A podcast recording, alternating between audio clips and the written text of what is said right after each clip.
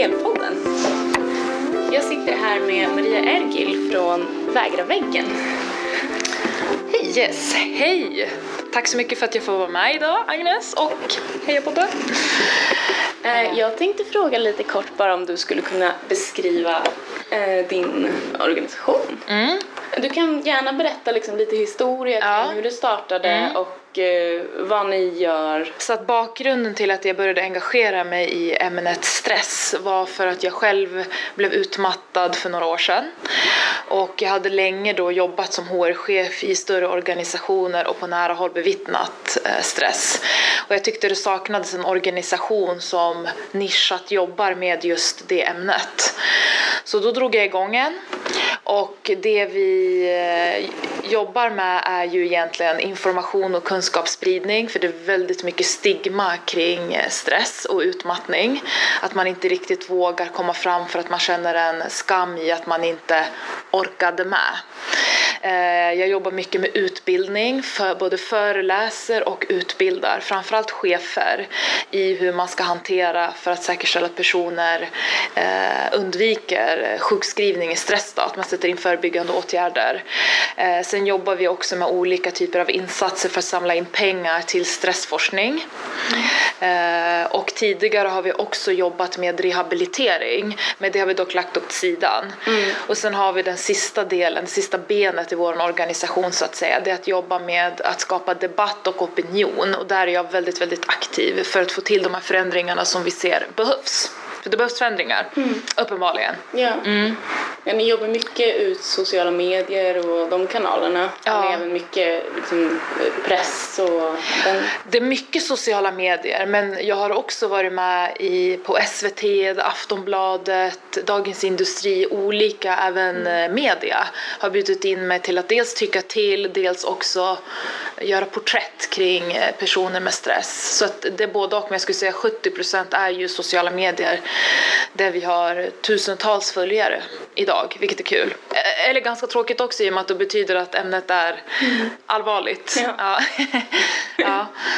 ja. Men det är jättekul att ha dig här idag. Ja, tack så mycket. Eh, jag hoppas verkligen att eh, många av våra medlemmar kan få mycket liksom, in, input av det du har att säga. För jag tror att du samlar på dig ganska mycket kunskapsbank Jag hoppas under det. din tid. Mm. Eh, jag skulle egentligen vilja börja med att fråga, eh, för jag tror att det är mycket chefer och ledare som lyssnar på det här, att eh, vilka tre viktigaste åtgärder tycker du att man som eh, arbetsgivare ska jobba förebyggande med hos sina anställda? Mm. Eh, Det finns ju dels att man kan tänka det strategiska på högre nivå men sen kan man som chef på sin nivå göra flera olika saker för att kunna förebygga stress.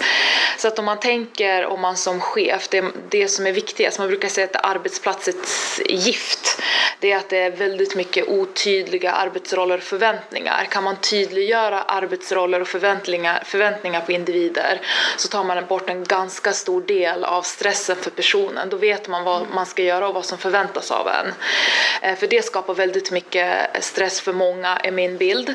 Och också det här att eh, skapa ett öppet klimat, att sätta hälsa på agendan. Att kanske börja varje möte med att fråga, prata, ta upp något ämne kring just stress, det här med gränslösheten, eh, tillgängligheten och så vidare. Vilket gör att man öppnar upp för att folk vågar säga till. Ja, men nu är det ganska mycket för att man vet att man har en chef som kanske, ja, men det här är prioriterat i min arbetsgrupp. Så det är ett väldigt eh, effektivt sätt utan att man behöver investera väldigt mycket pengar.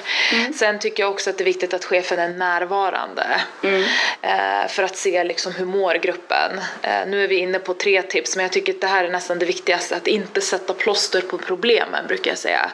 Eh, är det så att man har en grupp som är dysfunktionell på något sätt, att vissa presterar inte, andra presterar för att andra inte presterar, att istället för att liksom lösa problemet genom att sätta ett plåster på såret, ducka och liksom hoppas det går över, ta tag i rotorsaken. Varför presterar inte en del av min grupp? Och varför varför är det ojämn arbetsfördelning och så vidare. Att man löser de problem man har istället för att blunda för dem. För det skapar ju en enorm stress. Mm. Både för den som känner att den inte bidrar och de som jobbar för mycket. Så det blir, den är nästan viktigast har jag sett, att man får en dysfunktionell grupp. Mm. Och cheferna vågar inte ta tag i det där. För dels behöver man tala om för den som springer jättefort att springa lite långsammare och den som inte springer alls måste man tjoff tjoff, nu måste du börja springa lite. Mm. Så att det blir ju ett svårt samtal som man brukar säga i Sverige. Så att eh, det är de delarna jag ser. Ja, mm. ja men jättebra poänger. Och, och de är enkla att implementera också. Ja. Mm. Um, om man då ändå har gått in i väggen, mm. eller vad man nu ska säga, fått ett utmattningssyndrom som jag tror att det kallas mm. idag. Mm. Eller bara känner att man är på väg ditåt. Ja. Mm. Vad tror du är det viktigaste för chefer och med, alltså, att veta för att kunna stötta de här medarbetarna? Mm.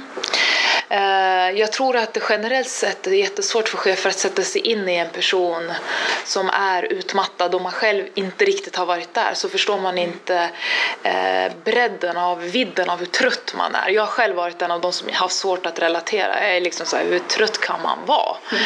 Så att jag tror det är en stor grej att man behöver sätta sig in i vad innebär det att vara utmattad? Eh, man, man är trött, man får minnesrubbningar, man har svårt att hålla fokus, att man försöker sätta sig in i sjukdomsbilden så att säga.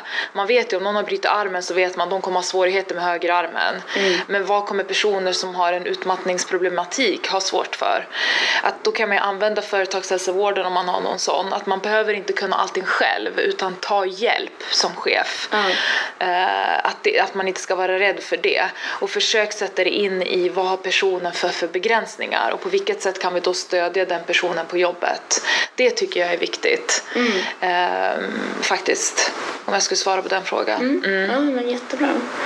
Uh, det här med att vara chef kan ju mm. vara ganska ensamt. Mm. Både i hur man ska hantera liksom sina, eh, men de som arbetar i organisationen. Mm. Eh, men det kan ju också vara väldigt ensamt att inte ha någon själv att vända sig till om man själv är stressad. Mm. Eh, så min fråga är helt enkelt hur bör man hantera den situationen? som chef när man själv känner att man håller på att gå in i väggen. Mm. För chefer är ju den gruppen eh, många glömmer bort. Eh, man tycker att chefer är robotar, de är chefer, det här borde de lösa och så vidare. Och det är lite de förväntningarna man har kanske när man blir chef, att man ska ta ansvar för andra. Men vi alla har ju också någonstans en egen chef, även om man är chef så har man en chef. Och chefer har HR, chefer har också företagshälsovård. Mm. Så att jag tycker det viktiga här är att chefer också kan ta till sig av att veta att det är okej okay, att inte alltid vara okej. Okay. Mm. Att det är också okej okay för en chef att uppleva stress. Det är okej för en chef att också vända sig för sin egen skull, sin arbetsmiljö. Inte bara för de man ansvarar för. För man behöver ju själv vara pigg för att kunna ta hand om andra. Mm. Jag tror att det är en ganska speciell situation som ja. många av våra medlemmar sitter i där det faktiskt inte finns någon HR, det finns ingen annan utan man sitter faktiskt väldigt själv i sin roll. Mm. Uh, vi har ju inom HEL jobbat ganska mycket med ordförandenätverk mm. och GS mm. frukostar och så. Mm. Bara för att man ska i alla fall ha några andra mm. chefer att prata med som sitter mm. i liksom liknande situationer. Uh, men finns det någonting, absolut kanske företagshälsovården, men finns det andra sätt som du ser att man kan liksom göra med sig själv så att säga för att undvika ja, stress. Förstår du, ja, förstår du min fråga? Uh, för att det där är ju jättebra det där med nätverk och ha andra personer så att man kan bolla mm. idéer och bolla känslor och upplevelser. Men om man ska tänka hur jag som chef själv ska hantera för att jag inte ska bli utmattad. Det är egentligen samma sak om man är en vanlig anställd. Mm. Det är ju att jobba kontinuerligt med återhämtning. Uh, och det låter som en klyscha men det är på riktigt sant. Att man klarar av enorma mängder stress stress mm. om du jobbar kontinuerligt med återhämtning. Återhämtning är inte att sova bort en helg. Återhämtning är att liksom, om du tänker en elitidrottare, när den har utfört något extremt, fysiskt påfrestande som också är psykiskt i och för sig, så vilar de. Samma sak är det för oss. Eh, våran vila kan vara att vi sitter tyst i ett rum, att vi eh, mediterar, att vi går på ett yogapass eller att vi går ut och tar en promenad i naturen. Naturen har extremt positiva effekter på människans mående. 15 minuter per dag brukar man säga räcker för återhämtning. Så återhämtning är vad jag skulle eh, rekommendera som det bästa redskapet. Och sen att man jobbar med sin struktur. Vad är det som gör att jag känner att jag inte hinner med? Är det privatlivet? Ibland kan man ha mycket privat vilket betyder att man kanske behöver ta det lugnare på jobbet. Eller tvärtom. Ja, det är som att en man styr, precis, ja, styr upp sin vardag. Vart kommer stressen ifrån? Och det brukar man kunna göra när man ändå är eh, en, en ledare. För det är det på så sätt man styr upp eh, för sina anställda. Att se över sin vardag skulle jag också eh, rekommendera som enkla medel. Eh, Men också att våga säga till. Eh, Även om man är ganska ensam som generalsekreterare till exempel, en typisk roll hos er. Att man har någon att vända sig till när man ändå tycker att det blir för mycket så att man också kan bli avlastad i perioder. Att man inte ska vara rädd för att det är ett misslyckande. Utan för mig är det ett tecken på styrka att man vet när man har nått sin gräns och vågar sträcka ut en hand. För då kommer man tillbaka starkare, tänker jag. Tycker jag.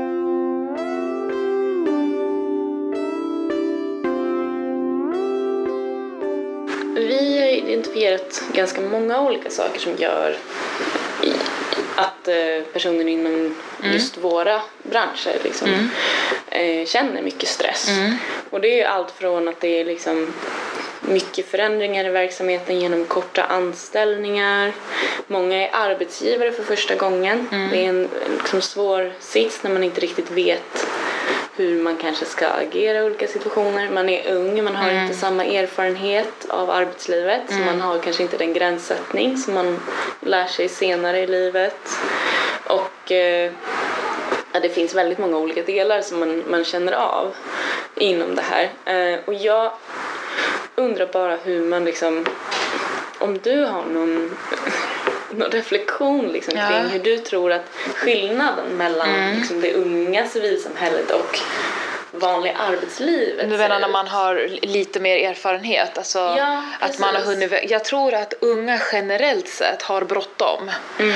Eh, vi har mer bråttom man har mer bråttom än när man är äldre eller vad man ska säga. Man vill åstadkomma väldigt mycket saker eh, på väldigt kort tid. Så man springer, springer, springer.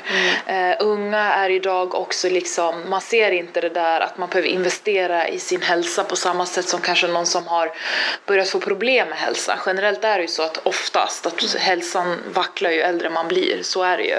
Att man förbiser den någonstans. Det här är ju saker man lär sig eh, Eh, med åren och sätta gränser är svårt också för, för unga för man vill vara duktig, man vill prestera, man vill visa vem man är och vad man är bra på.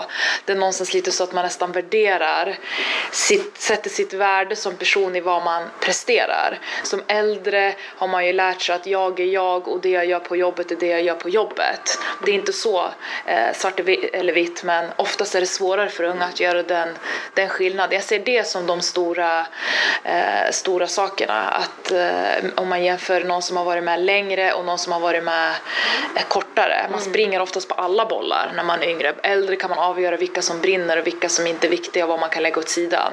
Man är bättre på prioriteringar. För man har lärt sig göra fel flera gånger. Det är en del av utvecklingen. Eh, så att det, det, det, det är jobbigare för en ung att bli chef idag än vad det är om man har varit med några år. Så därför tycker jag att man kanske också ska samla på sig lite erfarenheter innan man kliver in i den typen av roller. Mm. Eh, Jag vet inte om det var svar på din fråga men Jo, men det, absolut. Eh, det sker ju gradvis, pratar många om det här med ja, stressrelaterade sjukdomar. Eh, och, och vilka är de viktiga signalerna man ska lyssna på? Eh, och det är precis som du säger, det sker gradvis. De brukar säga ish att det tar två år att utveckla eh, en utmattning. Så man har en hel, ibland ännu längre, så man har ganska mycket tid på sig att fånga upp sig själv egentligen i tid. För ytterst bär man ansvar för sin egen hälsa även om vi vet ju vad det är att vi ska uppmärksamma varandra men ärligt talat, det hamnar på dig själv tyvärr. Men viktiga signaler i sitt eget mönster är att se, börjar jag sova dåligt? För sömnen är också den viktigaste i att kunna komma tillbaka, det är där vi återhämtar oss bäst egentligen. Mm. Vi är i fullständigt viloläge. Men börjar den bli rubbad, eh, det, det är de symptomen som kommer först. Sömnen, irritationen, känslan av att man inte har kontroll. Man tror att man har mycket mer på sitt bord än man faktiskt egentligen har, men det är mer för att man har tappat kontrollen. De här börjar komma gradvis, spänningshuvudvärk, macken, lite så här yrsel. De sakerna börjar komma in i initialfasen eller vad man ska säga. Sen börjar det för vissa bli magbesvär, minnesförlust, den här stressen börjar bli tyngre. Mm. Eh, Så den utvecklas ju lite grann så. Så att jag skulle vara uppmärksam främst på sömn. Mm. Om man ska ta liksom, okej nu börjar jag få problem med sömnen. Att det direkt, inte bara äh, det är ingenting. Är det så att den hänger med, eh, då kanske man behöver fundera. För det är den första signalen för de allra, allra flesta. Sömnen. Mm. Många vacklar i humöret också. Ja. Mm. Ja, superspännande. Eh, Det är ju svårt även som arbetsgivare att veta. Men ibland så kan man ju någonstans Mm. se att någon är på väg att, att egentligen inte mår, mår bra men Mm. inte riktigt ser det själv eller vill agera på det själv. Hur hanterar man det? Mm. Jag tror det där är en stor skillnad med en yngre och någon som har varit med en senior ska vi säga istället för äldre. Senior är ett bättre ord. Eh, att unga tar det fel när chefen approachar, om man nu har en chef till exempel, eh, som säger men hur, hur mår du? Det tar man många, ah, nu tycker de inte att jag levererar här. Att det blir som en press. Eh, så att det handlar egentligen om hur man, hur man kommunicerar. Att liksom sätta sig ner med den personen. Ingen blir kränkt av att någon genuint frågar hur man mår, även om man tror det här, här i Sverige. Ingen vågar fråga varandra hur de mår. För man vill inte höra svaret. För vad gör man av det? Om det skulle vara något dramatiskt. Mm. Så att egentligen är det ju bara att sätta sig ner med medarbetaren och, och fråga. Eh, hur mår du? Eh, alltså nämna sådana här saker, stress och vi finns här och liksom visa eh, ett stöd så att personen känner att den kan anförtro sig. Jag tror att det är det eh, bästa sättet att fånga upp istället för att börja ta ifrån dem massa arbetsuppgifter. Det kan tolkas fel. Ehm, sen tror jag att många känner sig lite osäkra på vad, vad är ett hälsosamt arbete? Ja. Att det finns liksom en form av trend av att man ska göra så mycket och det är så man jobbar, att det är där arbetslivet ligger. Men vad är faktiskt ett hälsosamt arbete? Vi pratar om kortvarig, långvarig stress. Hur vet man vad som är vad? Och hur stressad får man vara? Förstår du mina... Eh, Jag tror att det är svårt att spesa vad som är ett hälsosamt arbete. Jag tror att det handlar om vem som har arbetet. Eh, Och ibland är det ju så att vissa roller är omöjliga för att de helt enkelt är för stora. Eh, Och det tyvärr är jättevanligt. Det var lite grann vi var inne på det tidigare. Att arbetsfördelningen är sneddelad i gruppen. Att vissa gör mer än andra. För att de andra inte gör sitt jobb. Då hamnar det hos andra. Så för mig är ett hälsosamt arbete, jag tror att det är svårt att säga det här är hälsosamt. Utan det är mer hur man förhåller sig till sina arbetsuppgifter. Ja. Och det man har att göra, att man ska lära sig sätta sina egna gränser någonstans. Och det är det jag tror unga har svårt för. Den här mobilen, den är ju på dygnet runt. Förut kunde man ju få ett mail, fick man ju sällan mail 22 på kvällen. Nu är det nästan som att när man får det 22, då förväntas man svara för att alla har ju mobilen i handen, tänker ju folk. Eh, Så att det är det, vi har skapat ett ohälsosamt samhälle som gör att jobben blir ohälsosamma. Och frågar man någon idag, men eh, Agnes, hur har du det? Äh, men det är lite mycket nu, svarar alla. För att på något sätt måste man svara så, för att om man säger men det är ganska lugnt, då är du, jaha jobbar hon? Hon är det ganska lugnt. Precis på samma sätt som om man säger att ja, men jag är nöjd med min situation, ja men då vill du inte utvecklas längre. Så att det har gått en trend i att ha, ja, att ha mycket att göra också, och säga att man har mycket att göra. Alla kan inte ha för mycket att göra hela tiden. Eh, då hade vi producerat miljarder med grejer. Så att det handlar ju om eh, någonstans hur man förhåller sig till det man har att göra, att växla ut de här orden att man har mycket att göra, att det är coolt, Mm. till att ja, men jag har kontroll på min situation. Eh, Det är lite Att det, grann... det är det nya coola. Det är det som är det nya, kolla, hålla, moll, bo, mo, vad heter det? hålla många bollar. bollar. i luften. det är för mig att inte ha kontroll, det är när du har dem på marken som du har kontroll. Liksom. Att växla orden. Då vågar fler säga, nej men jag har en ganska bra situation. Nu känns det som att man är påtvingad och har mycket att göra. Så att en hälsosam arbetsroll tror jag inte finns så länge du inte gör den hälsosam och sätter dina gränser. Det är det det handlar om. Och man är inte lat, mindre bra eller dålig för att man säger att det är för mycket just nu. Vilket många tror, speciellt den yngre generationen. Mm. Ja, men bra, bra poäng. Eh, apropå det här med kortvarig och långvarig stress. Hur vet man vad som är vad? Man brukar prata om att man kan ha en kortvarig stresspeak men inte en långvarig. Men Hur ser man skillnaden? hur Liksom? ser man skillnaden? Hur Ja. lång är det och Ja. hur stressad får man vara? Ja. Den är svår eh, att veta hur den tippar över. Jag tror kortvarig stress, det är när man har kanske något tillfälligt där man känner liksom det är mycket nu men sen så går det över och man återgår till sitt normala så att säga. Men om man konstant över tid känner att det är hela tiden för mycket då börjar man gå över i mer en långvarig situation. Kortvarigt kan vara att jag kanske har mycket den här veckan, den här månaden eller nästföljande månad men om vi kommer upp ett halvår, ett år då börjar vi gå in i att situationen är kanske ohållbar. För vi alla vet att det går ju upp och det går ner och det dalar och det toppar. Eh, Så att jag tror att det är det man ska vara eh, observant på. Hur länge sitter stressen eh, i? Mm. Snarare att säga det bara en vecka eller så. Utan mer när man börjar närma sig ett halvår, ett år, då är man uppe i, då är det stadigvarande tycker jag. Ja. Ehm, ett sätt att bli mindre stressad säger många i träning. Mm. Eh, Men eh, utifrån vad jag har läst på era kanaler eh, så pratar ni om att man ska tänka olika kring träning i olika delar av sin, vad ska man säga, stresscykel. Ja. Kan du berätta lite mer om det? Ja, absolut. Ska försöka hålla mig konkret. Oftast när man går till läkaren och man har stressproblem så brukar läkarna säga motionera eller träna. Eh, och många vet inte att när man tränar så utsöndrar man kortisol och kortisol triggar stressen ännu mer vilket gör att om man redan är stressad då har man ju väldigt mycket kortisol i kroppen. Då kan det ge motsatt effekt att man mår sämre. Det är därför vissa är fullständigt dränerade när de tränar. Då har man kommit ganska långt i sin stress.